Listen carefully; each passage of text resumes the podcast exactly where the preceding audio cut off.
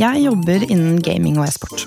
Og det er det ikke så mange som vet, og heller kanskje ikke så mange som tror når de ser Instagram-kontoen min. Men jeg er faktisk sosiale mediemanager i en e-sportorganisasjon som heter Zero Zero Nation. Da jeg ble tatt inn til intervju, eh, så fikk jeg spørsmål om jeg visste forskjellen på e-sport og gaming. På den tiden så visste jeg vel egentlig kun at e-sport handlet om en form for konkurranse, men omfanget av e-sport var jeg ikke i nærheten av å kjenne til. Nå har jeg jobbet i Zero Zero Nation i nesten ett og et halvt år. Jeg har vært til stede på kamper både på DreamHack og i Telialigaen. Og vi har streamet kamper på kontoret og i andre sosiale settinger, og sett lagene våre både vinne og tape. Men det største var nok å se hvordan CSGO-majoren fungerte i Brasil. Der var jeg ikke selv, men videoene av fansen vår på arenaen har satt et skikkelig stort inntrykk, for jeg ante virkelig ikke hvor mye kjærlighet og lidenskap det faktisk finnes i e-sport. Gjestene mine i dag er noen som har viet livene sine til akkurat denne lidenskapen. Stein Wilman og Steffen Wilhelmsen er grunnleggerne bak det som har vært Norges største og mest anerkjente e-sportorganisasjon, nemlig Nordavind. I slutten av 2021 så ble Nordavind til Zero Zero Nation, og jeg startet der kun måneder etter. Så Stein er faktisk min tidligere daglige leder, og Steffen er min tidligere kommersielle direktør. Vi skal få høre hvordan reisen deres har vært. Alt fra hvordan det å like videospill ble møtt for nesten 30 år siden, til utviklingen av hva e-sport er den dag i dag. Men før vi sier hei til de, så kommer som vanlig litt fun facts og relevant info. Google kan fortelle meg at det er over 540 millioner e-sportseere globalt i 2023, og at det er spådd at dette tallet vil nå 640,8 millioner i 2025. Noe annet Google kan fortelle meg, er at gjennomsnittsalderen for en e-sportfan skal være 26 år. De mest sette e-sportstitlene internasjonalt i 2022 var League of Legends og CSGO. I Norge er Good Game-ligaen, som tidligere var både Telenor-ligaen og Telia-ligaen, det største ligasystemet innen e-sport. Her konkurrerer man i PubG, Rocket League, CSGO, Overwatch 2 og League of Legends. Skal man konkurrere i andre titler, som f.eks. Fortnite, som Mr. Savage fra første episode gjør, så må man delta i internasjonale ligaer. Norge og de andre nordiske landene har faktisk vært foregangsland i Vesten hva angår som typiske regioner som har hatt lang kultur for å bedrive e-sport. Og norske utøvere var faktisk på verdenstoppen på tvers av e-sporter frem til 2006-ers, midten av 2000-tallet. Da tror jeg ikke jeg visste hva e-sport var engang. Og til slutt, den mest sette e-sportsturneringen var Free Fire World Series i Singapore 2021 med 5,41 millioner seere. Det er ganske sykt. Så da gjenstår det vel bare å si velkommen til dere, Stein og Steffen. Tusen takk. Takker. Altså, dette her er litt rart, for jeg føler nå at sånn min tidligere sjef og, og liksom høyere opp kollega sitter og stirrer meg ned og har sånn dømmende blikk. Det var jeg som var sjefen, og så var han din høyere kollega. Nei. jeg vet ikke. Det var litt sånn vanskelig med titler og sånn, men eh, det er hyggelig å ha dere her, i hvert fall. Det var hyggelig å være her. Veldig hyggelig å være her. Og dere er jo eh, Jeg vil jo ikke si at dere er eh, nerds, men dere er jo veldig hardcore gamere. Det vil jeg påstå. I hvert fall for min egen del. Ja, vi har i hvert fall et par føtter ut av det skapet for lenge siden. Så, ja. Dere er ikke i Skapet er sprengt i så fall. Ja. Ikke sant. Jeg, jeg skal komme dit en dag, jeg også. Prøver. Et skritt om gangen. Ja, det akkurat det. Så før vi går ordentlig over på tema, så har jeg en sånn nerdespalte som dere skal få lov til å svare på. Og jeg tenker at eh, jeg stiller eh, spørsmålet, eller dilemmaet, eller valget, hva jeg skal kalle det. Eh, Steffen, du svarer først, og så svarer du, Stein, rett etterpå. Og så kommer neste spørsmål, og så Vi må gjøre det fort da, ikke sant? Ja, ja fort. så ingen, eh, ingen, Ingen betenkningstid. Men jeg, jeg tror det er ganske tror, tror dette går greit for dere. Gleder meg. Ok, første spørsmål. Harry Potter eller Ringenes herre? Ringenes herre. Ringenes herre. PC eller konsoll? PC. PC. Bok eller film? Bok. Bok. Marvel eller DC? DC. DC, Brettspill eller eh, Arcade? Arcade. Arcade. Faen, er dere kopi av samme person? eller? Jobba lenge. Runescape eller World of Warcraft? World of Warcraft. Jeg Har ikke spilt noen av de. Diablo? Det er greit, det var en fin vri. Live action eller animasjon? Live action. Animasjon under rette forutsetninger. Star Wars eller Star Trek? Star Wars. Star Trek. Wow. Stein, du er den første som har sagt det på Det er faktisk Star Wars er så barne-TV. Ok, siste. This is not the way. Retro-klassiker eller nytt spill med god grafikk? Retroklassiker. Retroklassiker. Herregud, og dere som snakket om i stad at dere ikke hadde blitt så like, dere er jo kjempelike. Kanskje i spillverden, I guess. Forstår ikke hvordan du kan like Star Wars over Star Trek. Det er som å se barne-TV med lightsabers. Boys. Jesus Christ. No comment. Fy faen. Det er tynn suppe, altså. Men herregud, ja, fordi Hvor lenge har dere jobbet sammen nå? Hvilket år møtte dere hverandre? Nei, vi møttes vel når jeg flytta til Oslo når jeg skulle studere, så Steffen var her i forbindelse med konfirmasjonen sin. I 2011. Er det sant? Ja, for vi kunne ikke konfirmere oss i Nord-Norge, for det var the great konfirmasjonsuår. Nei. Nei, nei, jeg flytta til Oslo i 2019 for å studere på BI, sånn som mange andre nordlendinger. Eneste- 2019? Nei, unnskyld, det ble helt feil. 2010. Sorry. Okay, ja, fordi nå ble jeg Jeg hadde, sånn. jeg, hadde jeg hadde en 2019 i hodet. Flytta i 2010 og så, for å gå på BI, og så var vi tilfeldigvis i samme klubb på den tida der. Jeg var kaptein for Counter-Strike, han var kaptein for Starcraft. Uh, Under samme klubb? ja, i samme klubb, som heter Alchemists Unleashed. Steinhardt navn. Vi hadde, fun fact enough, en eh, logo som så ut som en Innsida av et kvinnelig kjønnsorgan. I. Jo, faktisk, det er sant. Uh, hvem? Ja, dessverre. Det, hvem vi hadde ikke noe med det. ass. Nei. Det, var, det skulle se, men så bare ut som noen eggstokker og dritt. liksom. Det var, uh, Ja, det var ikke bra. ah, trist. Det var ikke bra. Det var før metoo, da. Men uh, det var ikke Ja. bra. Flaks var før det. Men ok, Så i samme klubb. Så det vil si at dere konkurrerte innenfor e-sport? Ja, Begge to. korrekt. Og da vil jeg gjerne at dere skal forklare, fordi før episoden til Mr. Savage så forklarte jeg eh, hva forskjellen på gaming og e-sport er. Men jeg har veldig lyst til å høre deres take på det. Ja, vi kommer til å si se det samme, så Stein, du kan egentlig bare You do you. Det er egentlig gaming i konkurranseform innenfor organiserte rammer. da, eh, måten vi ser på e-sport som.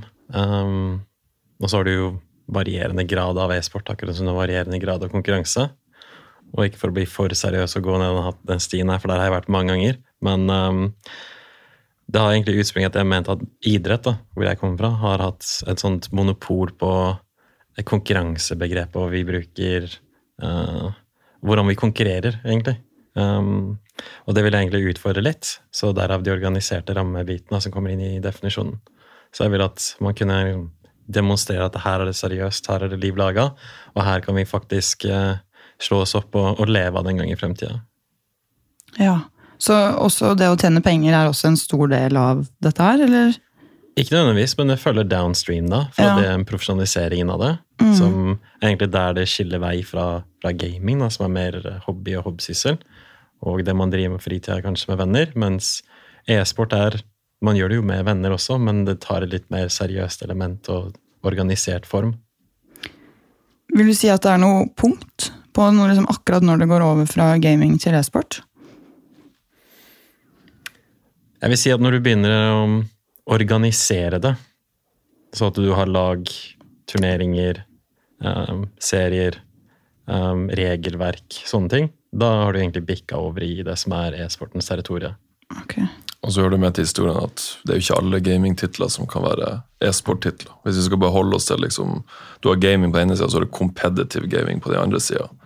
Um, så Sogn er jo det vi holder på med til det siste. da. Gaming kan jo være så mangt. Det kan jo være alt fra Erna Solberg som sitter og crusher Candy Crush i stortingssalen, til World of Warcraft, til Ja, fucking minisveiper for den saks skyld, ikke sant? Um, men e-sporttitler har jo en del fellestrekk i den grad som man også ser i ja, idrett og sport. Eh, det er tilskuervennlig. Det, det er mulig å sette opp et rammeverk rundt det så du kan konkurrere i. Det er tilnærmet likt for alle deltakere eh, til en viss grad, og i de tilfellene hvor det er lagspill, så, er de, så konkurrerer du under like forutsetninger.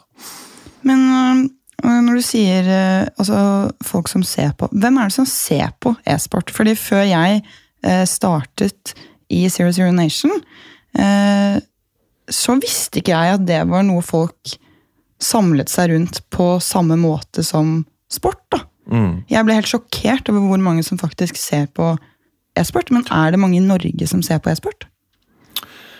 Det, det er to svar til det spørsmålet, egentlig. Historisk sett, og det går sånn helt tilbake til Sør-Korea, som egentlig anser som I guess, ground zero for det vi Det Se på i dag som moderne e-sport. Hvor folk faktisk møtte opp, betalt turneringer, tilskuere, kommersialisering av det. Så er det i hovedsak utøverne som Eller massen som spiller spillet, om ikke e-sportmessig som casual. Kanskje f.eks. League of Legends. da. Det er de som bare spiller det, logger på og spiller det alene, som ikke gjør det i en e-sport-setting. Det er ofte det som utgjør hovedmassen av de som ser på League of Legends. Så har du noen som ikke spiller spillet, som ser på det, men de er et mindretall. Og så har du et par spill, f.eks. Counter-Strike, som har en større andel um, seere som ikke nødvendigvis spiller spillet. Jeg har jo ikke spilt CS på mange år, men det er en av de få e-sportene jeg faktisk gidder å sette meg ned og se på. Jeg syns at bare spillets gang, flyten, timingen, alt er veldig sånn seervennlig, da. Og det er jo naturlige hypekurver osv. som går opp og ned gjennom, gjennom um, rundens gang, da. Og så er det jo um, et par titler, sånn som Fifa eller Rocket League, som er så selvforklart og så obvious hvordan det er, at det er en større andel som ikke spiller piller, som ser på det til slutt. Da, som en sånn, ser på det som et sånn spektrum, da, sånn glidende overgang. Veldig interessant. Men nå har ikke jeg sett på så mye sport generelt heller, da. Så jeg syns jo at det var mer interessant å se på CS enn å se på en fotballkamp. Det backer jeg, faktisk. Det kan jeg som Liverpool-supporter si med hånden på hjertet, at en god CS-match er helt oppi der med en Premier League-kamp. Ja, da, ja, du, ja, oi. Hmm. Det er veldig interessant. Men eh, tilbake til deres klubb sammen. Mm -hmm. Da har dere blitt faktisk altså profesjonelle spillere. Ja, vi var i hvert fall i de profesjonelle profesjonelle. Det var i hvert fall en, eh, de som var Altså, på vår tid, da. Det var ikke mange som tjente penger. Og hvis du tjente penger, så var det ja, peanuts uansett. Det er i stor grad de beste kontraktene som fantes på midten av 2000-tallet, i stor grad minus noen få eh, unntak. da. Jeg var liksom kost og losji, og kanskje du fikk noen tusenlapper i måneden, og så fikk du reise og konkurrere, selvfølgelig. Um, og alt utstyr og sånn dekt. Det var liksom peak e-sportutøver på den tida der. Og når vi møttes tilbake i 2009-2010, 2010-sirkus, så var det liksom Norge hadde nettopp lagt bak seg egentlig en ganske sånn mørk eh, del av e-sport-Norge. Backtrack vi tilbake til sånn 03, 04 og i hvert fall 05 og 06, så var Norge på toppen. I verden, i hvert fall hva angår Hæ? I hver, altså konkur konkurransemessig? ja, ja, absolutt. Counter-Strike, uh, Starcraft, Warcraft, ikke minst. Uh, vi hadde masse spillere som hevda seg. Og så skjedde det som skjedde med mange i samme generasjon på den tida der, da. For de var stort sett jevngamle alle sammen. Og at livet tok dem igjen. Ikke sant? Tjener du ikke penger, du er hva skal jeg si, 23-24 år og ikke tatt utdanning, så vil det være noen i familien din som sier liksom get your shit together, osv. Um, og når vi møttes og, eller konkurrerte sammen i samme klubb da i 2010, så var det sånn Ting begynte å samle seg litt, i hvert fall i Norge. Det var sykt fragmentert uh, veldig på den tida der. Og det var nok ennå en to-tre år igjen før ja, ting kom til å ta seg opp, og folk kom til å se hva e-sport egentlig kunne bli, da, annet enn de fanatikerne eller evangelistene som kanskje også hadde trua på det fra vi starta på 2000-tallet, da, for å si det sånn. Um, så ikke for å digress. Ja, vi i en klubb som Alchemist Unleashed. Vi var begge kapteiner der. Uh, vi begynte å engasjere oss mer og mer i driften av klubben på ulike måter. På min side så var det i hvert fall kommersielt. Uh, jeg hadde tidligere vært i en klubb tidligere hvor jeg liksom hadde begynt å skrape litt i lakken av det. Samme hadde Stein inn i styret og med administrative og operative uh, oppgaver. da. Uh, og så ble vi kalt inn til et uh, et årsmøte en dag på det var en augustdag, husker jeg. På, og kalte inn på søndag klokka tolv på Sir Winston. Og jeg tippa før slaget hadde slått 12.05, så sto det sånn 17 jegershots på, på bordet der. Eh, Og da så Og dette vi var på, et møte? dette var et seri det skulle være et seriøst møte, i hvert fall. Det var årsmøte liksom for klubben, da. Før vi godkjente innkallingen, så Ja. var det en runde shots på bordet. Og da kjente ikke jeg Stein annet enn eh, en key som hadde sterke meninger på Mirk. Eh, og til de som er født etter 2000-tallet, så var Mirk det som kom før MSN og Messenger og sånne type ting. Takk, jeg trengte den forklaringen. Ja. um, Jeg tror du må forklare hva MSN og sånn er også. Hvis vi snakker til liksom, den skikkelig ja, det kan de Hvis vi snakker på tail-end av generasjon Z, så tror jeg du må forklare det òg. Okay. så Vi hadde ICQ på 90-tallet. ECQ? ICQ, ja, det var en sånn veldig enkel uh, Hva skal jeg si? I seek you. I seek Å ja, okay. ok! Ja, ICQ. Så det var en messenger service. Veldig downscaled sak. Så hadde vi Mirk, som egentlig var et sånt stort chattenettverk som besto av masse forskjellige servere. Serveren QuakeNet var den mest populære for gaming. Det var der vi opererte. Jævlig mange folk som holdt det til der. Og i senere tider så kom annet skit som MSN og sånne type ting. da. Det var boomernes discord. Jeg var boomernes Ah! Discord, ja. Det finnes ennå okay. den dag i dag. altså Det er mange som bruker det, bare ikke så mye gaming. Og på et tidspunkt så kunne du fort ha 2000-3000 mennesker inne på, på Ja, de kanalene. Ja, ja. Norsk, norske kanaler, til og med. Det var På de største tid. klubbene. Og da, oi! Og da snakket alle i samme Ja. Alle rommet, samme rommet. Så det var sånn Jeg får bare sånn Husker dere oppe fra Runescape, i Runescape? På den der Grand Exchange? Ja, hvor du driver og snakker så bare, alle bare Så det er bare masse tekst og farger og det Sorry, du tar i ikke referansen, Stein. I'm so sorry. Aldri satt foten inn i en MMO, så jeg er liksom heroinfri, da. Ja, men har ikke dere, jeg Finnes ikke sånne her åpne chatkanaler Diablo, eksempel? Det blir jo samme konseptet. Nei. Ok, fuck off. Det er en RPG, Steffen. Ok, bro. Men ok, 17 shots senere. 17 shots, jeg ser på han. Vi kjenner ikke hverandre da, annet enn at vi, vi vet hvem hverandre er, men vi har liksom ikke noe sånn Vi er ikke bros, og vi jobber ikke sammen og sånt. Ehm, så jeg tror faktisk Enten så står vi løpet ut, eller så går vi. Vi går. Vi går, ja. Vi reiser oss og går. Vi, Ja, vi- ser hverandre, reiser oss og går. Og så står vi utafor. Ja. Ja, så står vi utafor, og så husker jeg at sekken på meg, og jeg skulle ta fram sekken. Eh, og Der hadde jeg en Mac, og den for i bakken. Men, og så havna vi i prat om liksom, hvor sjukt det her var, da. At det var 17 shots, og vi hadde faen ikke klubba inn uh, innkallinga, på en måte. Oppmøte. Så sa jeg til han vi skal ikke ta og lage en klubb, for jeg hadde nettopp kommet ned fra en klubb som, eh, som hadde noe bra gående, da, men ja, det fungerte ikke da med de som drev det. Eh, og så sier han til meg bare hvis det er seriøst. Uh, og så gjør vi det, da. Så ikke Steffen ut som en seriøs kar? Nei, men time is of the issue, ikke sant? Så følte jeg jeg greide å pisse vekk et år på dette stedet. Så det tar tid å bygge ting, da. Så jeg ville egentlig sette i gang. Og jeg visste ikke hvem Steffen var, som jeg har sagt. Han visste ikke hvem jeg var. Så um, bare hvis det er seriøst. Og så um, Tolv år senere så sitter vi her i en podkast med deg og forteller om um, 13 år. ja, 13, ja. Om at eh, Steffen sin Mac gikk i bakken. Det er liksom to ting jeg ikke husker. Det er liksom bryllupsdagen og uh, hvor lenge vi har jobba sammen. Begge to gir meg like mye dritt for det hver gang. Det må klippes ut. Herregud, altså. Og da, men startet dere rett etter det? Var det bare Ei uke etterpå. Da hadde vi i hvert fall starta prosessen. eller noe sånt. Ja. Startet vi en klubb som heter BX3.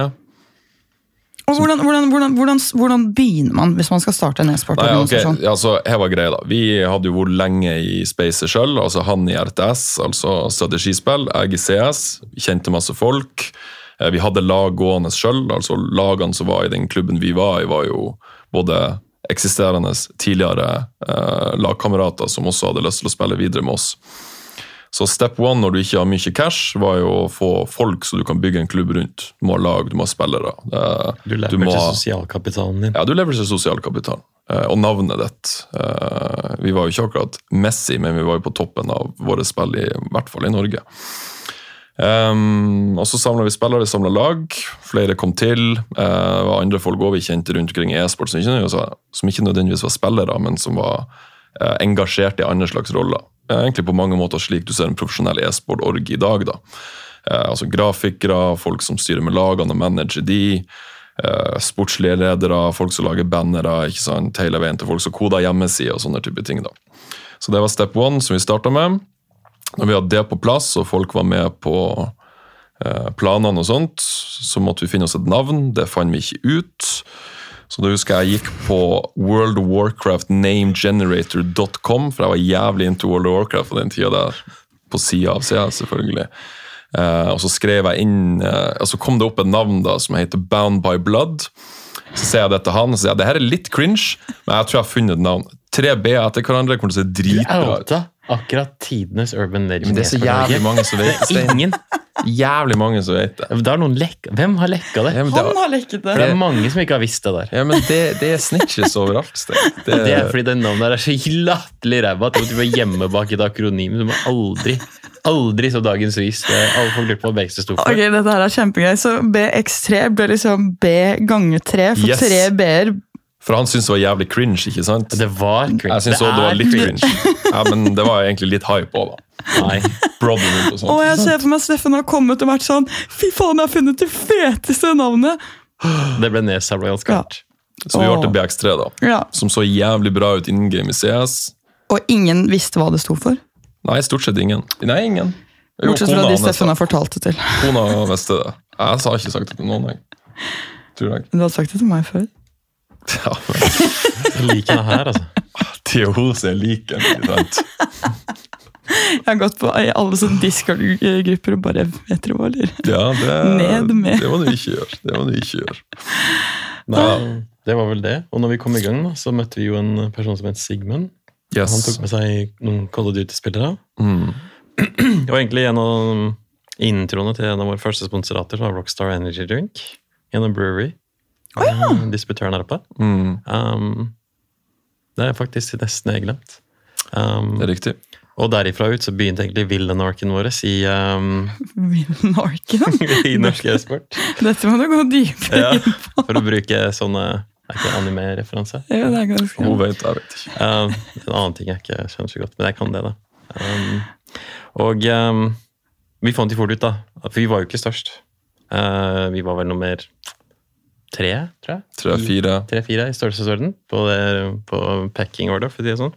Så vi fant jo det her må vi um, her må vi uh, Hardt til verks. cutthroats og, uh, og mose oss vei oppover. Ellers så kommer vi ingen vei. Så um, vi tok det vi endte opp med å få. Uh, det var ingen som ga det til oss. hva, hva, hva, hva ligger i dette her? Hvordan har dere klatret? Har dere, hva, har dere, hvem har dere banka? Hvem har dere, hva har dere stjålet? Nei, vi hadde jo ikke cash, først og fremst. da. Nei. Cash er viktig. Uansett hva du gjør, sånn for å ha cash. ikke sant? Vi hadde ikke sponsorer. Vi hadde så vidt Vi hadde så vidt penger husker jeg, til å lage den logoen. Det husker ennå hva Den kosta 2000 spenn, men da fikk jeg hjemmeside med på kjøpet av en kis i Mo i Rana. faktisk. Oi, oi, oi. Det husker jeg jævlig godt. Så det var step one, da. Du må jo ha liksom litt på plass når du skal sende pressemelding og sånne type greier. Eh, Så det fiksa vi, og så husker jeg vi kjørte inn storstipendet fra Lånekassen, for det kommer i august. Oi. Det Mos klinka det rett inn der. Betaler ned på det enda. Ja, Kjente faktisk på den eh, ganske hardt den måneden der, for jeg skulle jo ha fadderuke på, på skolen. da. Herregud, dere, du har tatt stipendet ditt. Ja, ja. Før- Begge tok stipendet. Så studerte du også samtidig, Svein? Ja, ja. Tok masteren min nå. Og så har dere tatt stipendet deres og puttet det inn i klubben? ja, ja. Vi må ta cash. Du må jo reise. Det er jo For det jeg mener sånn Vi hadde jo ingenting. aggressivt da. Oh, shit. Så da all-inna vi det. Så fikk vi Rockstar inn som sponsor. Et logistikkselskap fikk vi inn. Et server Thermaltake. Thermaltake fra Taiwan fikk vi inn. Kan jeg spørre om sånn, fordi nå i dag da, Ja. hvis du skal få inn en sponsor for eh, en e-sportutøver, det er jo, vil jeg tro, veldig mye lettere enn å få inn en sponsor. Back 100 den. Det var ikke Hvordan solgte du det inn i det hele tatt? Visste folk hva e-sport var? Ja, altså det var jo en stund vi kalte det for cybersport og sånt, men vi hadde vel begynt å kalle det for e-sport på den tida der, tror jeg, for det hadde begynt å bli modna så mye borte i USA, og særlig i Sør-Korea, som hadde holdt på kjempelenge. Men hva vi solgte? Nei, vi solgte det som så fint kalles in game branding, så når vi var på server i CS, ikke sant, så hadde du sponsornavnet i navnet ditt, ikke sant? Å ja, For eksempel. Og så kom jo det på broadcasten. Men vi hadde jo ikke stream. så du het Fnien Rockstar? Ja, hva sier jeg? Het du Fnien Rockstar? Uh, ja, jeg heter faktisk det. Spillerne het De hadde hver sin sponsor. Så det var BX3 dot tittelpartner, så var Thermaltake på det tidspunktet der. Det var navnet på laget. Ja, Tittel, ja tittelpartner på laget. Parallellstrek in game, Nick, Fnien, Stjerne og så sponsor. da. Så var Rockstar. For min del. Ja. Ja. Så det var den ene ting vi solgte. Så hadde vi jo drakter, det har jo alltid eksistert. Det er jo Ja. liksom synonymt for i hvert fall lagidrett på mange måter. Og så hadde vi med oss noe profilmateriell på LAN. Ja, Så hadde vi med rollers på LAN. Liksom, du gjorde det du kunne. Du solgte jordbæret du hadde. Så var det hjemmesidesynlighet. Eh, og så var det faktisk synlighet og logo, ikke logoeksponering, men eh, partnereksponering på Mirk, eller Ja. IRC som vi kalte det. Hvor du hadde bots, så hver gang du kom inn på kanalen, så hadde du f.eks. en kubot som sa sånn her Halla, velkommen til BX3, kulere enn det jeg sier det nå, da. Og så er det sånn liksom Powered by her er Sånn var det da. Så det var i stor grad det vi solgte. Ja. Jeg kan se for meg at det var ganske hardt å prøve å selge det også, på den tiden. Ja, definitivt. Hvis du ikke er størst, så hvorfor skal du liksom? Da må du få noe annet til bordet, da. Eh, Men så gjorde vi et sikkerstikk hvert fall, som etter min mening tok innersvingen og gjorde at vi akselererte rimelig hardt. Eh, Det var jo klubber i Norge på den tida der som hadde mange sponsorer. Eh, Men vi partna opp med eh, to brødre som heter Torstein, eller egentlig to, to brødre og en fyr som heter Torstein og Julius Solheim. Og en som heter Erling Løken Andersen, som også er de som den dag i dag driver Spillekspo. Eh, og på den tida der så var SpillExpo i utgangspunktet egentlig ikke født engang, og de skulle egentlig være ei spillmesse med tilslag av teknologi, hvis jeg husker det rett. da. Eh, så vi var med... Det da i 2012. Det var i 2012, ja. Sånn tolv. Eh, Så vi var med å ta med litt sånn Vi var ikke med å ta med, men vi la til rette for at e-sport kunne være der. Og inviterte inn ja, ja, altså konkurrenter av oss og arrangører. Og vi hosta noen turneringer der også, hvis jeg ikke husker feil. Eh, Men så fikk vi også ei svær jævla fysisk flate eh, som vi kunne selge på. Som var i en messeforstand og for en eh, næringslivsaktør som et selskap, da, som var billigere enn hva de ville betale på den årlige whatever de driver på med konferansen, ikke sant, som koster masse penger. Eh, Og så solgte vi det inn for en penge som var mye billigere, men som var jævlig mye penger for norsk e-sport i, i den konteksten på den tida. Og så var det um, et element til, og det var jo at har alltid vært en retailer på de messene. Først var det komplett, og i senere år så har det vært Elkjøp. Og dette her tok, Det første var vel i andre helga i desember, og så ble det flytta til andre helga i november. Men det var også julegavehandling, da, var på agendaen. Så vi brukte det som en brekkstang inn mot um, særlig periferalpartnerne og de som var i spacet. At her kan folk playteste utstyret, og så setter vi en sticker fra for eksempel komplett opp på PC-en, og sier at du kan få kjøpt der borte. Oi! Og det er sånn, vi, som sier, vi snudde hver eneste jævla stein for å kommersialisere det prosjektet. Og fra et, eh, ja, altså er det mange som får markedsbudsjettene sine i november òg, så timingen var jævlig fin for å begynne å pushe i august. ikke sant? At vi skal gjøre ditten og datten, dere kan være her og her og her. Eh, Og alle får nye budsjetter, eller mange får nye markedsbudsjetter i november uansett, så det var sånn De kryssa hverandre på grafen, da. Genialt. Sånn. Men så rigga vi også de jævla messen sjøl også, på toppen av fulle studier og jobb etter hvert. da, Og har egentlig gjort det helt frem til ja, 2019? 2020? Nei, 2019, ja. Det var covid i 2020. Herregud. Mm. Men kan dere huske noe sånn eh, punkt hvor dere kjente sånn Shit, nå har vi fått det til? Ja, vi, vi trodde vi skulle kjenne på det punktet litt tidligere, i hvert fall. Eh, Vi jo, vi, var, vi hadde en tese, i hvert fall, at hvis du liksom isolerer Norge, eh, og du ser på hvor mange som bedriver, om ikke e-sport, så competitive gaming til en viss seriøs grad, da, eh, så hadde vi en tese om at sånn rundt 2014 var den originale tesen i hvert fall, om at idretten og e-sporten i Norge burde krysses på en graf før eller siden. De har begge godt av å leve sammen, ikke adskilt, for ellers så kommer bare den ene til å kannibalisere den andre. Og mest sannsynlig idretten i sin organiserte form. da. Um, og så Parallelt med det her så begynte Stein å jobbe i, for mediehuset Tech uh, for å Gamer.no. ja, Gamer, dagens Gamer.no, da, Uh, hvor han starta det som heter Telenor-ligaen i sin tid. Det er det som ble Tela-ligaen. Uh, og som Selv har det visste jeg ikke? Nei, det visste jeg ikke. Har du startet Telia-ligaen? ja, 2014-2016 så jobba jeg der. Som prosjektleder for e-sport. Hvor har jeg vært hen i verden? Det er ikke godt jobb, å se. Anne. Men uh, i alle dager.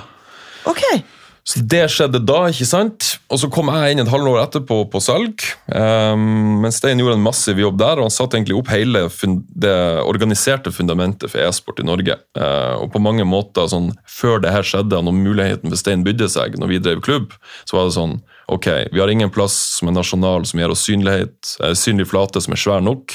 Ei heller en plass å konkurrere imot, altså knuse andre norske lag. da. Så han satte i gang det og fikk det opp å kjøre.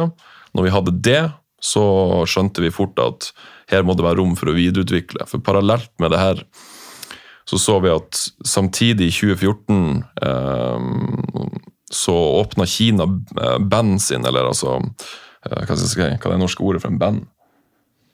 Eh, De, lovlig, ja, de lovliggjorde basically at du kunne spille dataspill. Eh, For det, var, det hadde du ikke lov til utenom sånn én time om dagen, eller sånn sinnssykt som det. Det ante jeg heller ikke. Ja, så De gjorde det i 2014, og så boom, så kjøper Amazon Twitch. Uh, Twitch er svært i dag, det var ikke så svært på den tida der. Det er Justin TV før. er Justin TV på den tida der. Så kjøper de Twitch. 1 milliard dollar, smukk, smukk. Uh, og da går e-sporten ifra å være avhengig av broadcasters, eldgamle jævla eh, kabel-TV-hus og sånn som egentlig ikke har peiling på hva vi ville gjøre, til å sette makta tilbake hos e-sportaktører, og altså reinspikka e-sportaktører. Klubber, organisasjoner, arrangører sånn som Dreamhack, eh, ja, fucking ESL òg, for den saks skyld. Da nådde man mainstream, ja. på en måte. Da fikk man den eh, Man fikk fjerna den gatekeeping-elementet som man nevner fra tradisjonelle media. Så fikk man kringkastet det man drev med, Uten å være avhengig av andre. til en større audience. Og ikke minst en ny kommersiell flate, som egentlig akselererte hele greia sjøl. Vi trodde at e-sport i Norge skulle bli liksom uh, the shit i 2014, og at det skulle komme investorkroner inn, for USA flomma over av investorkroner etter Twitch ble kjøpt opp fra Venture Capital. Vi bomma litt på den der. Uh, vi, det skjedde ikke for to år senere her i Norge. Men eh, ja, så kom vi til 2016, og så kan du fortelle det jeg skal fortelle nå isteden. Så slipper jeg Ja. å preke. Steffen var jo inne på det med villain-arken vår. Fordi jeg hadde begge rollene i klubb og, eh, og hos turneringsarrangør, da, så ble vi sett på som korrupte og alt mulig rart. Selv om jeg tok alle grepene jeg kunne for å ikke ha noe med min egen klubb å gjøre osv. Vi hadde administrator som fiksa det. Men vi um, Det paret med at vi kom veldig fort fra ingen steder og opp og tok liksom dominante posisjoner, da. Sånn som alle andre bransjer og sånn, så får man Det blåser litt på toppen, da. Man klarer ikke å gjøre alle til dags, og noen vil bare hate. Så begynte liksom den villain-arken litt. Ja, og den fortsatte. Og så hadde vi et par spillerkontroverser og sånn, og så ballet det på seg, og så var vi egentlig um, The Joker, men vi var Batman en stund. Men uh, det får bare være. Fordi um, uh, når vi um, For å fortsette på det Steppen sa, da. Det med klubb og idrett og e-sport. Um, da begynte vi å arbeide med Vålerenga. Så vi, um, vi reached ut til idrettsforeningen, eller Vålerengens idrettsforening, og ville bli e-sport-armen, da. På, ved siden av basket og fotball og hockey og alt sånt. sånn. Hvilket år var dette? 16. 16? Listen, ja. Ja, og det, det kunne de ikke, fordi eh, e-sport var ikke et særforbund under eh, NIF, så da gikk imot vedtektene deres, så det la de ned fra seg. Og så kom Erling Rosborg, som var min eh, etterfølger i, i Good Game, og sa at han kunne gi oss en intro til Vålerenga fotball, elite, som står de med fritt til å gjøre ting på et kommersielt plan, da, som det alibiet. Så vi møtte opp på um, Vålerenga fotballforening, altså det som er dame- og breddefotballen i fotballen. Uh, og da trodde de at vi var fra Brann. Bergen og Brann, for folk drev og skula på oss. og Det var noen som, hadde, som sto og snakket foran på scenen, og sa så har vi noen tidligere fra Brann. Så jeg bare, jeg så bare på hverandre og skjønte lite. Men eh, til slutt så kom vi i hvert fall inn til Vålerenga fotball elite og møtte da en som heter Espen Østerhaug, som jobbet lenge i alpinlandslaget, og som nå er daglig leder i Fredrikstad fotball. Og han var markedsdirektør der. Um, Markedsdirektør i Viasat var han før Ja. han kom dit. og så ble han i Vålerenga fotball etterpå. Og han um, klarte vi å overbevise, så han introduserte oss for Erik Espeseth, som var daglig leder i Vålerenga fotball elite. Som vi også overbeviste. Um, og så fikk vi endelig møte Tor Olav Trøim, eh, som ble Ja, så han kom inn av den linken. Som um, endte opp med å være seed-investoren vår. Da. Så da hentet vi kan vel si det vi hentet vel uh, 7,5 million uh, på den seed-investeringen. Det var litt mer enn det lille stipendet som kom i måneden. Ja. Ja. Og for å ta det spørsmålet for lenge siden, når vi skjønte at vi hadde greid det, uh, selv om det var masse arbeid etter det, så var det sånn Da skjønte vi at det her kanskje kan gå. Og da hadde jeg blitt stilt det spørsmålet av en um, en venn av uh, faren min som nå er død, men som var daglig leder for IBM Norge lenge, som Steffen også har møtt. Og han lurte på men kan du leve av det her, da? Er det noe business i dette? Um, og jeg ble så hellbent på å bevise at det var det. Så vi gikk som du sikkert har skjønt meg, Steffen, fullstendig all in i det vi drev med. Og endte opp der vi, uh, vi gjorde, da, med Nordavind. Ja, for når ble dere Nordavind? Det ble i 2017, eh, når vi mottok Desember. Desember 2017, når vi mottok eh, seed-investering fra Tor Olav Trøim. Da gikk vi fra å være en norsk klubb til å bli en litt mer sånn reinspikka, både brandmessig og også sånn sportsligmessig eh, e-sportklubb. Eh, og så rebranda vi til Nordavind. Ble slått sammen med, i samme eh, konsernstruktur som Vålerenga fotball. Eh, Flytta opp til Intility Arena. Fikk også et lite kontor der. Det var bitte lite, men det var Det er der Vålerenga holder til? det er Vålerenga Ja. stue, ja. På, på Helsfyr slash Valle. Vi fikk 80 kvadrat for oss selv i første etasje. Vi tok et gammelt møterom, og så delte vi det inn i tre større rom. Så dere satt på tre små rom? Ja, vi gjorde det. Vi hadde ett rom for spillerne, ett møterom, og rommet der jeg og han satt. Og så Sindre Stien, som kom inn under B-ekstratida på, på tampen der. Eh, og senere hadde Sigve Løndal. Så det var liksom, det var core eh, Da var dere fire stykker? Ja, vi vi var fire på maks, egentlig. eh, hvis jeg ikke husker feil. Og så selvfølgelig så hadde vi jo lagene og eh, sportslige ledere, eller sportslige managere for lagene. Så kom etter hvert um, uh, Stian Blipin Ja. og Andreas Hedemann og Sharan. Mr. Ind. Ja, det er riktig. Og så hadde vi jo løst tilknyttede frilansere, da. Men av de som satt liksom i kjernen, så var det oss. For vi hadde jo regnskapskontor og sånn oppe i form av Vålerenga-systemet. Så det var liksom, det var ikke nødvendig. Mm. Men hvor mange eh, titler spilte dere i her? Eller konkurrerte dere i? Syv på det meste, tror jeg. Var det så mange? Det var i hvert fall eh, Nora fem.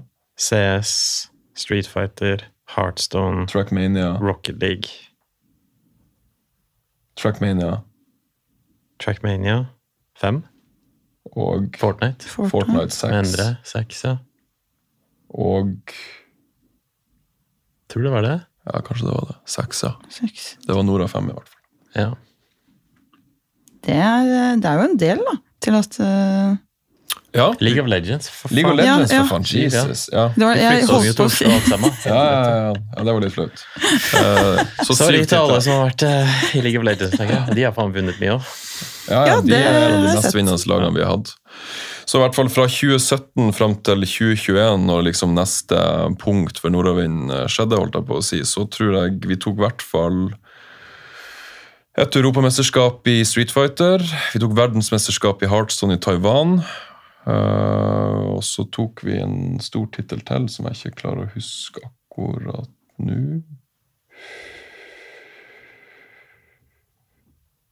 Ja, Tredjeplass i Capcom Cup tok vi i hvert fall. Altså VM i Street Fighter. da. Um, Jeg husker ikke. ja, og så vant vi norsk liga i løpet av den tida der. Så dere, dere gjorde det bra. ja, vi plukka 22 pokaler tror jeg, i Norge på den tida Oi. der, på tvers av lagene våre. Hvis ikke min matte er helt feil. Fem i Rocket League. På hvor mange år er dette? Det er på ty... Ink på. Ja, Ink B da. Ja. Så tre-fire år, da. Tre, fire. Så der gjorde dere bra. Hvordan, skjedde, hvordan gikk rangeringen deres der? Kom, kom Nordavind på topp? Sånn i forhold til E-sport Norge, som dere var litt inne Ja, på? Ja, ja, ja, Ja. definitivt. Jeg tror ikke det er noen som, har, som er i nærheten av å vinne like mange pokaler i norsk serie som oss. Nei. Og så var vi den første norske klubben også som var med å bringe hjem internasjonale pokaler. Eh, Sånn etter norsk e-sport fikk en liten knekk på, på 2000-tallet. da. Oi, Så det var stas. herregud. Men øh, fordi dette her var frem til Ja, for dere sa jo at øh, 2020, sånn da covid kom, Mm. da merket dere endringer. Ja, det var beinhardt, altså. Ja, det var hardt. Um, det var hardt fordi vi hadde um, vi, vi kvalifiserer ikke for noen ordninger, stønad eller noe som helst. Eh, For vi gikk opp vi, Vi, gikk, vi økte omsetningen vår, eh, blant annet. Eh, Vi hadde ikke fall i omsetningen. Um, og så hadde vi ikke vi Jeg prøvde alt. Vi, hadde ikke, vi kvalifiserte ikke, så vi måtte bare fikse det. Og samtidig, så når det inntraff, så knytta jo sponsorene ræven rett og slett litt. Mm. For ingen visste hva som kom til å skje. så Det var ikke, det løste seg jo ganske etter hvert utover høsten, men i starten her så var det veldig lite sånn spenningvilje. Så det var en helvetes grind å komme seg gjennom den eh, perioden på. Um, unngikk å permittere folk mer enn én måned, det var den første. For å finne ut hva som foregikk. Henta folk tilbake i fullt arbeid. Egentlig ganske stolt av vi fikk til det. Um, det var ingen bullshit-permitteringer. Um, og um, det var egentlig først når vi kom til desember det året, vi henta en større runde på vel 12 millioner. Um, og det var vel på, helt på tampen av 2021 at uh, vi endelig fikk litt pustero. Og før det så har vi gått uten, Nei, 2020. Ja. så har vi gått uten lønn, jeg og du, i Tre måneder? Fire måneder? Nei, mer, ass. Seks måneder. Det må ha vært det. Siden sommeren, husker jeg. Og så fikk vi lønn igjen i desember, når vi Ja, riktig. Det var Så vi kunne betale steinhardt. alle lagene, alle spillerne, alle de ansatte. Ja, det var steinhardt, faktisk. Så, det, så dere gikk uten lønn for at alle de andre i selskapet skulle få lønn? Ja, ja, 100% Hvordan, hvordan klarer man å gå så lenge uten fast inntekt? Jeg er heldigvis gift. Steffen Jeg var heldigvis han, ikke eh, gift. La oss bare si Han sånn. måtte vi nesten ringe, ringe en bekymringsmelding på, fordi eh, ja. Ja. ja, det var tungt, altså. Å, fy faen! Herregud. Du blir ikke rik av å jobbe i norsk e-sport, la oss bare si det sånn. Så det var Der, eh, der sparte man det man kunne. Å, Gud. Det, det er så rart å tenke på. Mm. Men ja, igjen da, da. Jeg tenker på den lidenskapen dere må ha for å faktisk få til dette eh, altså samholdet og ha den organisasjonen og Den må jo være enorm for å ta et sånn Hva heter det? Ikke offer, men eh, skjønner du hva jeg mener? Altså, Jo, det kan man si. Man sitter jo også på Vi, vi i hvert fall, eh, nå nok også for Stein i så tilfelle, vi kjente jo på et enormt ansvar for alle spillerne. Vi hadde mange spillere, så jeg tror vi hadde 30 something spillere, give or take, pluss de, pluss de administrasjon. Eh, Og ikke minst hadde vi et ansvar for eh, både eiere og ikke minst sponsorer som hadde kommentert til å satse på det her. da. Og renommé til e-sport generelt. Ja. Vi er first movers. ja. Vi Vi var i nyhetene, det var vi som var med Vålerenga, det var vi som hadde fått med DNB som sponsor, så vi kunne liksom ikke la det feile. Vi hadde alle de største sponsorene, vi hadde største navnet. altså sånn, Fra utsida så bør det liksom eh, Persepsjonen til de som ikke kjenner e-sport, ville, og for øvrig de som kjenner e-sport, ville ha vært at ja, hvis Nordavind feiler, hva skjer? liksom, Da feiler norsk e-sport, quote on quote. Eh, så det ansvaret kjente vi veldig mye på. Stort ansvar å, å være størst og på toppen også. Det Ja, er, eh, altså Ja, om det har med å være på toppen eller ikke, det er i hvert fall eh, Vi vi har jo, altså, Det er jo ikke å stikke under stol, vi har hatt stor lidenskap for det her siden vi var kids. liksom, Så det er kjipere å gi opp eh, når du er så close, på en måte. Men du vet jo ikke om ja, Det var ikke given heller at, eh, at vi skulle få det til i desember, tror jeg. sånn sett. Nei, men um, ja, det løser jeg i hvert fall. Og så ble jo um, flyttet vi inn i Barcode. Um, og så ble jo en del av de midlene brukt til å starte den brasilianske delen og, og kjøpe opp eh, det som var Zero Nation Limited. da. Mm. Ja, fordi, og dette her er jo i eh, 2021. Mm. Og det er jo her eh, jeg kommer inn, om hvordan vi eh, kjenner hverandre. For eh, jeg eh, hang veldig mye på et sånt kunstgalleri i 2021, med masse gode venner. Så jeg ble plutselig invitert på noe sånn Noe som jeg trodde var en sånn litt kul kunstutstilling eh, av Trym Ruud, som lager NFTs. Så jeg bare ja, ja. Sendte melding til Herman Tømmerås. Skal du på den greia til Trym på fredag, eller? Og han bare hm? Unnskyld meg? Greia til Trym? Ja, det skal jeg, men jeg tror du har misforstått helt hva dette her er. Jeg bare, ok. Kommer ned inn på, bar, eh, på kontoret i Barcode, hvor det er ballbinge, det er masse folk, det er eh, mye spilling eh, og masse kunst. Og jeg tenkte dette var jo et dritfett event. Skjønte fremdeles nada.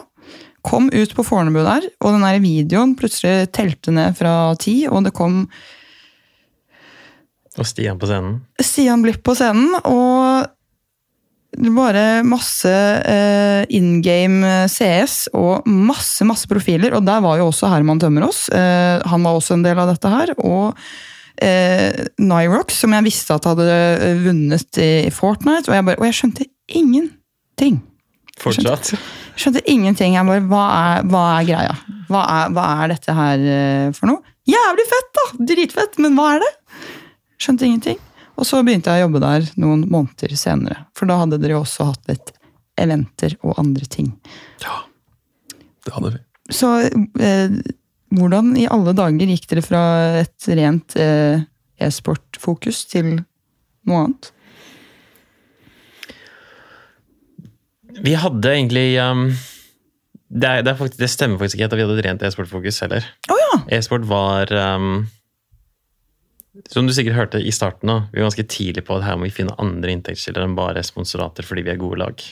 Hvordan vi brukte SpillExpo, hvordan vi hele tida tenkte på hvordan vi kunne kommersielt exploite spacet. Uh, og en av tingene vi begynte å sette opp, som var grunnen til at Andreas Hedemann, som kom fra Anti, uh, var der, um, var for å bygge opp den mediearmen, som er uh, det man nå ser som kanskje er den største avdelingen i Zero Nation i dag. Um, og det var så at vi kunne levere og produsere innhold, content og reklameproduksjoner, og samtidig ha distribusjon inhouse på tvers av klubben og spillere. Det gjør at um, i motsetning til f.eks. et Pol eller Try, eller noe sånt, så har vi den kapasiteten i tillegg. Og ikke minst spisskompetansen. Du får litt stordriftsfordeler med å jobbe eksternt og internt med å dekke interne behov så vel som serve eksterne klienter. Utfordringa med de tradisjonelle reklamebyråene er at de har ikke nødvendigvis gaming- eller e-sportkompetanse og har fylla peiling på hva de egentlig skal gjøre. Så jobber mange ut av teamsa internt i de byråene jobber jo i celle. ikke sant? Så På mandag så jobber du med Pampers, og på onsdag jobber du med Volvo, og så fredag skal du liksom skal du gjøre e-sport med DNB. Eh, så tanken der var å lage en spesialistarm egentlig, som kunne serve de der behovene i markedet, som definitivt var økende, eh, og som vi har sett noen antydninger til i utlandet, særlig i USA. Um, og så var det samtidig for å kunne øke kvaliteten på det vi gjorde internt. Da, som der igjen trikla ned til hva vi leverte for sponsorer. Det var egentlig vår kommersielle filosofi. Nordavind uh, 2020 inn i 2021. da. Hvis du ser på det sånn, da. Du har Lenovo kommer inn. Lenovo kjøper synlighet på drakt og andre flater. Um, Lenovo betaler fast sum for det. Men Lenovo har også en haug med aktivering og kampanjer gjennom året som de trenger å få laget og pushet og rulla. Vi kan enten én lage det for de, ta en pris for det, og så får de gjøre hva de vil med den. Eller så kan vi også distribuere den og charge de for det. Og Det er sånne løpende aktiveringer, som vi kaller det.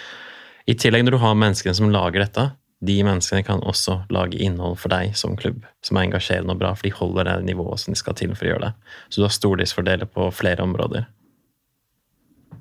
Genialt. Det er veldig Har du studert markedsføring, Svein? Nei, men alt det her er learning by doing. Og uh, hvis du ser på de første dekkene vi lagde mm. i 2012 Det er pinlig dårlig, ass. Det er faen meg ræva. Vi har lest tilbake, og jeg skjemmes over å ha sendt det ut. Men, det var dritt. Eh, men, men folk kjøpte for det, da, så det var ikke så dritt. Det må være deg, da, tenker jeg. Men uh, ja, alt har vært learning by doing, da. Og for å ta um, tilbake til spørsmålet ditt om var det verdt det, så er det um, Jeg vil si jeg har, lært, jeg har, jeg har tre grader. Jeg har to bachelor i, bachelor, og, i, bachelor i statsvitenskap og business, og så har jeg master i internasjonale relasjoner. Og jeg kan med hånden i bjeltet si jeg har lært mer gjennom å bygge og drive den klubben her, enn jeg har gjort på de tre til sammen. Um, så mye av det jeg kan, er gjennom learning by doing. Og to, så er det jo Steffen som Steffen sa, det har blitt en del av identiteten vår.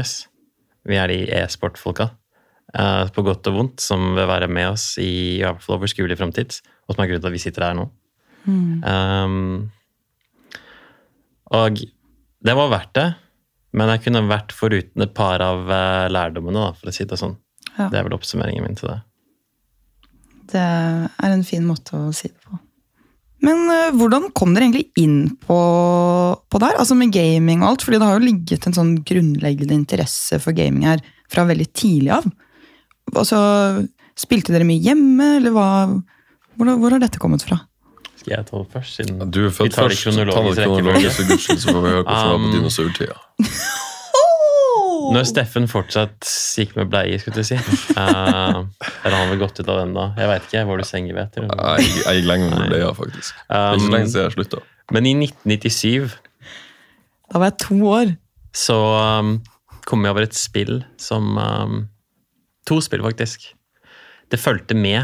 Uh, det ene spillet fulgte med PC-en vi kjøpte. For det var sånn du fikk med spillene du kjøpte PC. Um, og det var Cæsar 2. Sånn, Cæsar? ja, sånn strategispill hvor du flytter uh, sånn eh, romerske hærer rundt og litt sånn. da. Og jeg er sånn lidenskapelig historieinteressert. Um, så det var jævlig gøy. Og så kom en kamerat av meg over med et spill som het Diablo 1. Og eh, Diablo 1 var liksom det er ground zero. Da var det gjort, liksom. Det, er, det blir gaming uh, for meg. Var dette i Um, 1992? Nei, 1997. 1997, ja, sorry. 1992, for Herregud, jeg tenkte to år, sorry. Ja, I'm so Jeg er- sorry. Jeg er 39, ikke 50, Anja. Og så I'm sorry. ja, um, Og Diablo 1, da. Så vidt jeg nå som Diablo 4 har kommet ut, så var det liksom det som starta det. Og um, det var ikke noe som het bredbånd eller fiber eller sånn på det tidspunktet. Det var um, 56K-modem, og et par år senere ISDN. 64K. Og det gikk over fasttelefonslinja, så du betalte per For- tellerskritt. Ja, for, en, for en sammenligning, da, nedlastingshastigheten var sånn mellom 5 og 12 kilobyte i sekundet.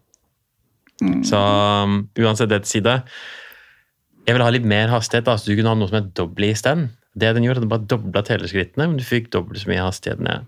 Um, Det må ha vært veldig dyrt. det var veldig dyrt. Jeg husker faren min fikk telefonregninger på sånn 6 og 10 000 kroner back then.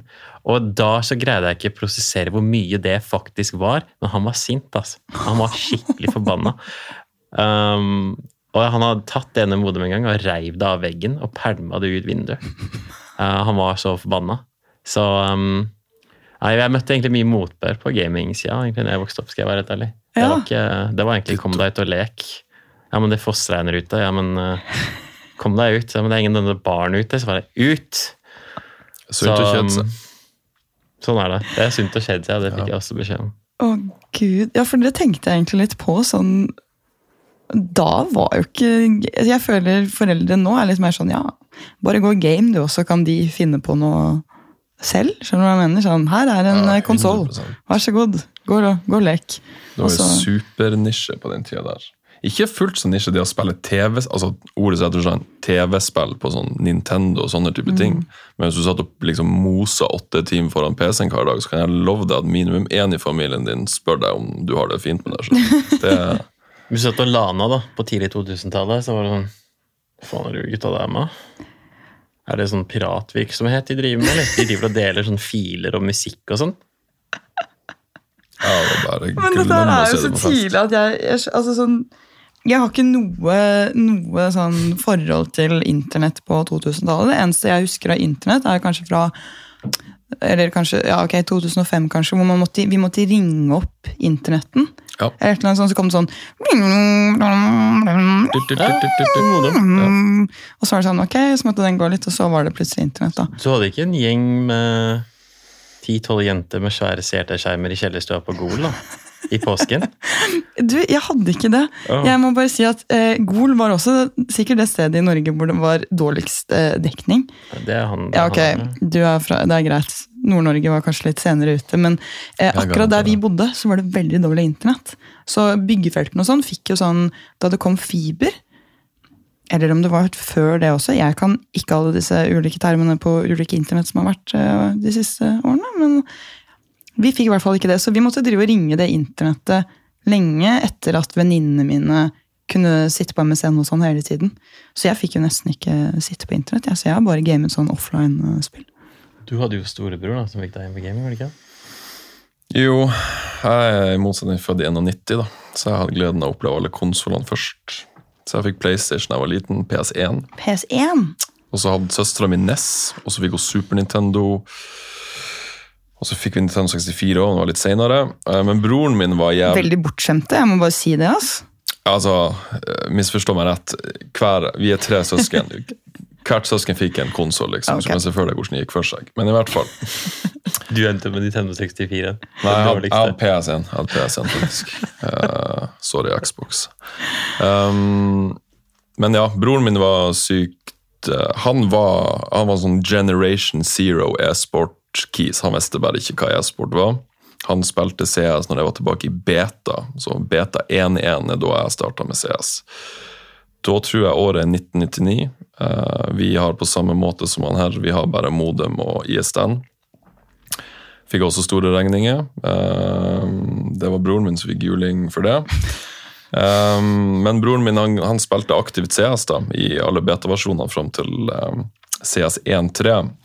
Eh, men så var han i militæret. Så når han var borte i helgen, eller ja, når han ikke var Når, det, når han var borte i ukedagene, så brukte jeg PC-en hans. Det var da- du som brukte internettet, så Det jeg regninga det. Det er helt riktig, så broderen kommer hjem i helgen på perm, og så er fattern lynings. Han måtte vel søke asyl i Danmark, han. Ja, ja, det kommer han tilbake til. Det er der han er nå. Så yes, han hadde en gaming-PC, eller gaming-PC, han hadde en bra nok PC å spille dataspill på. da. Um, og mye av um, mine yngre dagers barnepass uh, under ansvar til bror var at han satte meg foran PC-en, og så kunne han gå og gjøre hva faen han ville. Eh, så jeg fikk min intro til eh, CS, men først i 97 så fikk jeg jo intro til Diablo 1, alene. Jeg skulle si, Spilte du det da du var seks år? Om eller. Det var amazing. Jeg husker ennå når jeg går inn i, i Butcher? Ned, ned til Butcher. Det er faktisk første gangen jeg Jeg vet ikke om jeg gjorde det, men jeg er ganske sikker på at jeg pissa på meg. For fy faen hvor redd jeg var da. Da sov han hos mamma og pappa den kvelden. Jeg tror jeg sov der et par år, faktisk. um, og så var det Diablo 1, det var sick. Uh, og så var det Starcraft 1, som er Starcraft liksom har jeg aldri vært borte. Ja, det var glorious. Det var glorious. Det ble lidenskapen min det, Ja. Når det kom ut. Det var one true passion. Er det, er det skytespill? Er det RTS. RTS. Så du går liksom rundt og moser uh, hack and slash med bosser og sånne type greier. Oi. Drop. Nei. Nei, det er ikke en hack and slash. Det er, det er RTS. Det er, okay, det er et sanntidsstrategispill. så I motsetning til at du venter på noen gjør taket sitt, så skjer alt simultant. Men du, oh, ja, har, Starcraft, men du har fog of war over, som gjør at du veit ikke hva motstanderen gjør, uten at du aktivt oppsøker og finner ut hva de driver med. Så det er sånn asymmetri i informasjon, da. Og så må du være ganske rask i det du driver med. Så gjerne sånn 150-300 handlinger i, minutt, i minuttet i snitt, som er sånn 6-7 i sekundet. Og så må du bygge, du samler ressurser, så bygger du en base, og så bygger de basen enheter, og så går du og knuser han andre. Så det er eh, RTS og strategispill. Og um, første gang da, jeg logger inn der, jeg sånn, skal ikke lese manual, skal ikke lese noe guide, vi bare fuck it. Finner det, starter uh, gamet, får ut i en unit, vet ikke hvordan jeg skal gjøre det, for jeg har ikke lest den guiden selvfølgelig. Så blir jeg most, jeg lifter opp det CC som jeg kunne gjøre, jeg kunne fly der rundt, da irriterte sikkert vettet av han, men derifra, fra den dagen, så var det liksom, var jeg solgt. Sikkert sånn passion som du hadde for Counter-Strike. Ja. Men jeg hadde en bror jeg ville bli bedre enn, så det var egentlig eneste grunn til å spille CS. Fikk ikke noe glede av det, det skulle bare bli bedre. Ja, altså, eh, Jeg hadde faktisk en bror som flytta til Kjøben da han var 18. Da skal vi se, Han er 10 år eller 12 år eldre enn meg. Ja, jeg var 6-7 år. Så vi fikk ikke bredbånd før i 2008. Lille julaften 2008 fikk vi fiber. Halv, ja, stemmer det. Så i alle årene fram til da så brukte jeg å ta med meg PC-en, far til Kjøben på ferie, så jeg kunne sitte på bredbånd i Kjøben og spille på Cyber City-servere med fem i ping i CS. Og for de som lever i dag, prøv å ta med en kasseskjerm og en svær jævla PC på flyet til Kjøben. Ikke sånn spesialbagasje. Det var fun. Har du tatt med deg en sånn stor sånn der firkant? Ja, ja. Se etter skjermen. Dedikasjon. Det kan jeg love deg. Altfor god ping. Var det som ble boomtown sånn etter hvert? da? Ja, Boomtown, ja. Var på de internettkafeene nå. Fy faen, altså. Det er good times. Dette her jeg merker jeg at det er noe jeg ikke har uh, vært borte. Nostalgi. Ja. Det, det for meg var å ta med PC til uh, Oslo. Bærbar. Og få sitte på MSN. ja, det er ikke like hard struggle, spør du meg. Nei, det er det absolutt ikke. Men eh, det var struggle at jeg ikke fikk lov til å snakke med vennene mine på MSN. Det må jeg bare si. Den ser jeg faktisk. Eller spille 1, 2, 3-spill. Den ser jeg ikke. Fordi det var dyrt. Jævlig dyrt. Det kan jeg se for meg. Tellerskritt var dyrt. Ja, Det er vanvittig. Tenk på, Det har utviklet seg veldig raskt. ass. At det har blitt så... Tenk på de barna som vokser opp i dag. Det har ikke utvikla seg så raskt. Det tok faen meg 20 år før det der kom til Nord-Norge. Hva i helvete? Du måtte vel oppdage området først, vel? Ja, det var faen meg det var som Det var vel ikke Columbus. kartlagt? Og Columbus. De bare sånn 'Å, Nansen stoppa ti mil sør herifra, vi får vel fortsette'. Ja, det, jeg ville gjort det samme. for helt ærlig. Det er mye mobbing på, på Steffe der. Eh, Hva vil dere si at har vært eh, de største utfordringene deres i dette løpet? De å bygge klubb. Mm. Samfunnets stigma til gaming. Ja, fordi dere er jo fra en litt annen generasjon. Som da jeg snakket med Savage, så er han øh, Han skjønner liksom ikke helt det derre stigma. Eller sånn, Mm. Han har ikke opplevd det på samme måte da, eh, som jeg føler at de fleste andre har. Eh, og dere må jo ha møtt ekstremt mye sånn Bare det å si sånn Hva driver du med? Nei, jeg driver en e-sportklubb. Ja, det, sånn Jeg er vel åtte år eldre enn Steffen. Um, så åtte år før han begynte å game sånn i sosiale setting, da, så var det jo enda mer sånn tabubelagt. Da var det sånn, Dine peers drev egentlig ikke med gaming heller. si sånn, Dine jevnaldrende, hvis ikke de var engasjert i nisja. Så de skjønte heller ikke hva du dreiv med egentlig.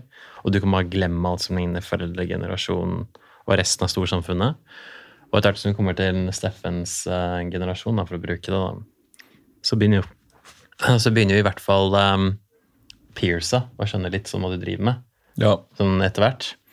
Og så har jo som sagt utfordringen vært å overbevise resten av storsamfunnet og generasjonen over oss at um, det er liv laga, og det har vært challengen. Og på et eller annet tidspunkt så tror jeg vi Det er den timelinen vi snakket om, hvis vi bomma på den. På et eller annet tidspunkt så tror jeg vi bare innså at det er bare noen som er I hvert fall da var 50 pluss, som vi bare kommer aldri til å greie å overbevise. De bare er ikke mottagelige for det, uansett hvilken form vi presenterer det. Så det vil bare la tiden gå sin gang, for til slutt så bare kommer vår generasjon opp, og særlig min, da. Kommer til slutt inn i beslutningstagerstillinger. De blir direktører, de kommer til å sitte på pengesekk, de kommer til å være markedsfører osv., og, og da skjer det der av seg sjæl. Mm. Så kan vi være litt forut med å prøve å overbevise et par sånn fremoverlente folk som er litt eldre, men eh, vi innså at det måtte bare, måtte bare gå sin gang til slutt. Og det var en jævla stor utfordring, faktisk. Det var en grind. Men det skjedde til slutt, da. Men det er helt sant. Når hans, ish, hans generasjon, 70-tallerne og 80-tallerne og sånt, kom i typiske lederposisjoner, så ble det mye mer vind i seilene i forhold til hva man presenterte, kontra de som hadde gått generasjonen før. da. Så man tydelig det skillet når det skjedde? Eller det skjedde? Ja, det vil jeg si. Sånn, du, kan, du kan nesten ta og føle på det i løpet av to år, nesten. Når de ja, når den gamle generasjonen quote unquote, begynte å liksom pensjonere seg, og de nye neste wave på en måte kom opp i lederposisjon. Det var helt annerledes å sitte med bordet og prate med sånne folk. Det er veldig interessant. Mm. Hva- Ja, det var det. Det er også flere faktorer. De hjalp jævlig da, at Nyrix vant det VM-et. Ja. ja, Ja. Um, Shout-out til Emil. Han og faren gjorde egentlig en ganske god jobb der, med mediehåndteringen og styret. Det skal de ha for. Um, det hjelper jævlig også at profiler som Stian, selv om det kommer litt etterpå, bare går ut med at jeg er gamer. Mm. Og jeg er alt det andre her også. ja. Det er liksom ikke det altomfattende vesenet ved det. Sånn, du er gamer. Du er, Ja. du er endimensjonal. Det er det eneste du er, er det. Mm. Um, og så har det egentlig bare ballet på seg, så bare kom til slutt bare alle fra den generasjonen opp. da, Og Steffens Mm. generasjon til slutt så bare ble det helt vanlig. Mm. Um, og det er ganske forfriskende å høre at Martin og ikke har det samme forhold til det. da. Mm. Ja, det var veldig fascinerende. Jeg ble nesten litt sånn ble nesten litt sånn irritert. Ja, men fader, da? Ja, men, hæ? Har, du ikke, har du ikke følt deg som en nerd, eller som en, at du er teit fordi du spiller dataspill? Nei. Nei. Nei, det må være digg, men han vokste opp i en tid hvor, hvor gaming var det sikkert den desidert eh, vanligste aktiviteten for I hvert fall for gutter. Det er jo liksom Ja, jeg føler alle gamere. Alle har en eller annen konsoll hjemme. Ja, Hvis ikke flere. og Nei, jeg, PC. Spiller Diablo 4 med kona nå. Ja. Gjør du det? Jeg leste spiller Necromancer. Sånn. Så sykt koselig. Det er hyggelig. Ja, det Det er er, faktisk, det er goals. Det er goals, jeg skulle til å det. Det er så sykt hyggelig. Herregud. Men syns dere det mangler noe da, i norsk e-sport nå? Sånn som det er i dag? Savner dere noe som dere ser i utlandet, eller er det noe Jeg savner eh, publikumsengasjement og lidenskap for eh, lagene og organisasjonene som den holder på. Sånn. At, eh, Sorry. ja, sånn som du har Nå vet jeg det har vært en sånn greie at norsk fotball er slitt, og, det begynner å bli bedre nå. med Fra fall av tilskuere og synkende tilskuertall osv. Men den fembasen og engasjementet som de har, er noe jeg gjerne skulle sett skje på, på e-sport-sida også. Og det er en, uten å gå for mye detalj, det er en haug med utfordringer som ligger der. Um, flytte profilfokuset kanskje over til klubb og uh, bygge den merkevaren, mer enn å bygge individuelle utøvere osv. Måten man pusher det innholdet på, måten man har med seg spillutvikler. Men det er kanskje det jeg savner mest, er det engasjementet og den, det samholdet rundt egen klubb eller org eller brand. da og at det er et sunt rivaleri ute og går. Som ikke er påtatt og falskt. og man, man, liker den klubben det ene året, og så liker man den det andre, og så liker man egentlig litt av alt, og så er man aldri fan. Mm. Du kan være tilhenger, men du er ikke fan, som gjorde sånn Jeg vil kjøpe merchandise av den klubben der jeg vil dra på kampene, hadde de hatt det offline, f.eks. Mm. Ja, jeg er enig. Det, men jeg tror også norsk e-sport man må alltid ha noen man kan hate på. Akkurat nå så har ikke klubber noen de kan hate på i norsk e-sport. Så... Hadde de det da Nordavind uh... Ja, hadde de definitivt. Var dere hatet mer enn elsket? Nei, det tror jeg i hvert fall ikke. Det er, ofte er det jo de som hater mest, det er mindretallet som bare roper høyest. Men uh, det er litt digg òg, da. Du må ha, litt, du må ha noe som pusher deg. ikke sant? Ville dere gjort det igjen? Hva, det vi har gjort i e-sport, liksom? Mm. Ja, definitivt. Vi får se i september, da. Oi, oi, oi, oi, oi. Stein, du sitter stille i båten. Altså, Nå tenker jeg på hele Nordavind-reisen. Helt igjen. fra 2010? Mm. Jeg tenker på Jeg blir svett av det å tenke på det, men um, Hvis jeg kunne gjort det i en sånn short form-version, ja. hvor vi bare kondenserer alt i en mye kortere timetable, så jeg slipper å bli 50 for jeg er ferdig med den en gang til. Så, ja. så hvis, eh, hvis, du starter på nytt, da, siden du hadde fått livet ditt på nytt, ville du liksom gått samme vei? Får jeg lov å ta med meg erfaringen jeg har gjort nå? Jeg må gjøre det på nytt og mm. finne ut av det? Fuck, hva om jeg fucker opp? Hva om, hva om det går til helvete? Vi greier ikke denne gangen. Ja, det er jo det er Nei, sånn det er, da. Jeg følte at det var sånn, det kunne fort ha gått til helvete òg. Ja. Um, det er liksom tråkket litt sånn flaks at man har uh, kommet dit man kom? Alt er jo random til syvende og sist. til en viss grad. Det handler, eller det handler i hvert fall om å minimere tilfeldighet og ting du ikke har kontroll over, men det er jo flaks involvert. Selvfølgelig er det flaks involvert. Du kan bare så mye. Ytre krefter vil til slutt liksom skyve deg i en retning, og du kan bare operere Du kan bare gjøre så mye innenfor den boksen hvor du har påvirkningskraft. da. Så det er ikke gitt at SpillExpo hadde eksistert, f.eks. Det hadde vært et stort skudd over baugen for oss. Um, det er ikke gitt at det ene spillet hadde vart så ingen som gjorde, f.eks. Counter-Strike, som endte opp å bli en av hovedspillene våre. Um, det er mange variabler som kunne ha gått feil her along the way. da. Ikke gitt at streaming tok av som la grobunn for distribusjon av e-sport. Jeg hadde planlagt å flytte tilbake til Nord-Norge etter endt utdanning i 2014, egentlig. Det var tilfeldig at det ble. Så det er mange sånne mikrovariabler som spiller inn i bildet. Jeg, jeg, jeg, jeg, tenker jeg er glad for at jeg, personlig ikke har gått deres vei. Det høres veldig tøft ut. Det var det nok. Det, har, det virker som det har vært eh, ekstremt mye. Veldig lærerikt. Og samtidig som det har vært mye glede, så virker det også som det har vært veldig lange dager. Eh, veldig mange timer. Og, 100 og, Men har man lidenskap, så trenger man stort sett ikke noe mer, egentlig. Nei.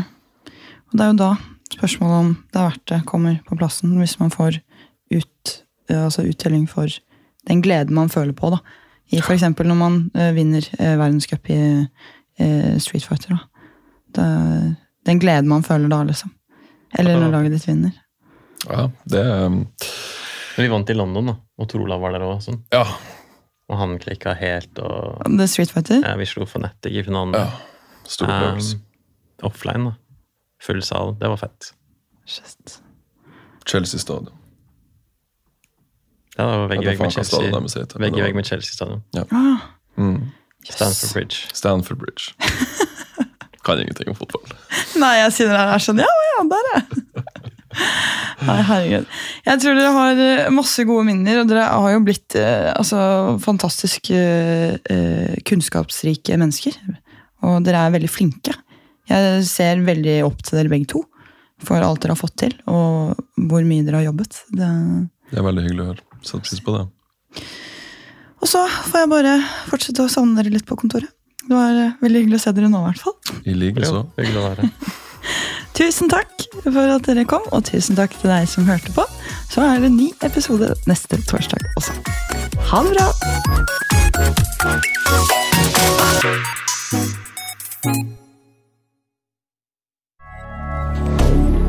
Moderne media.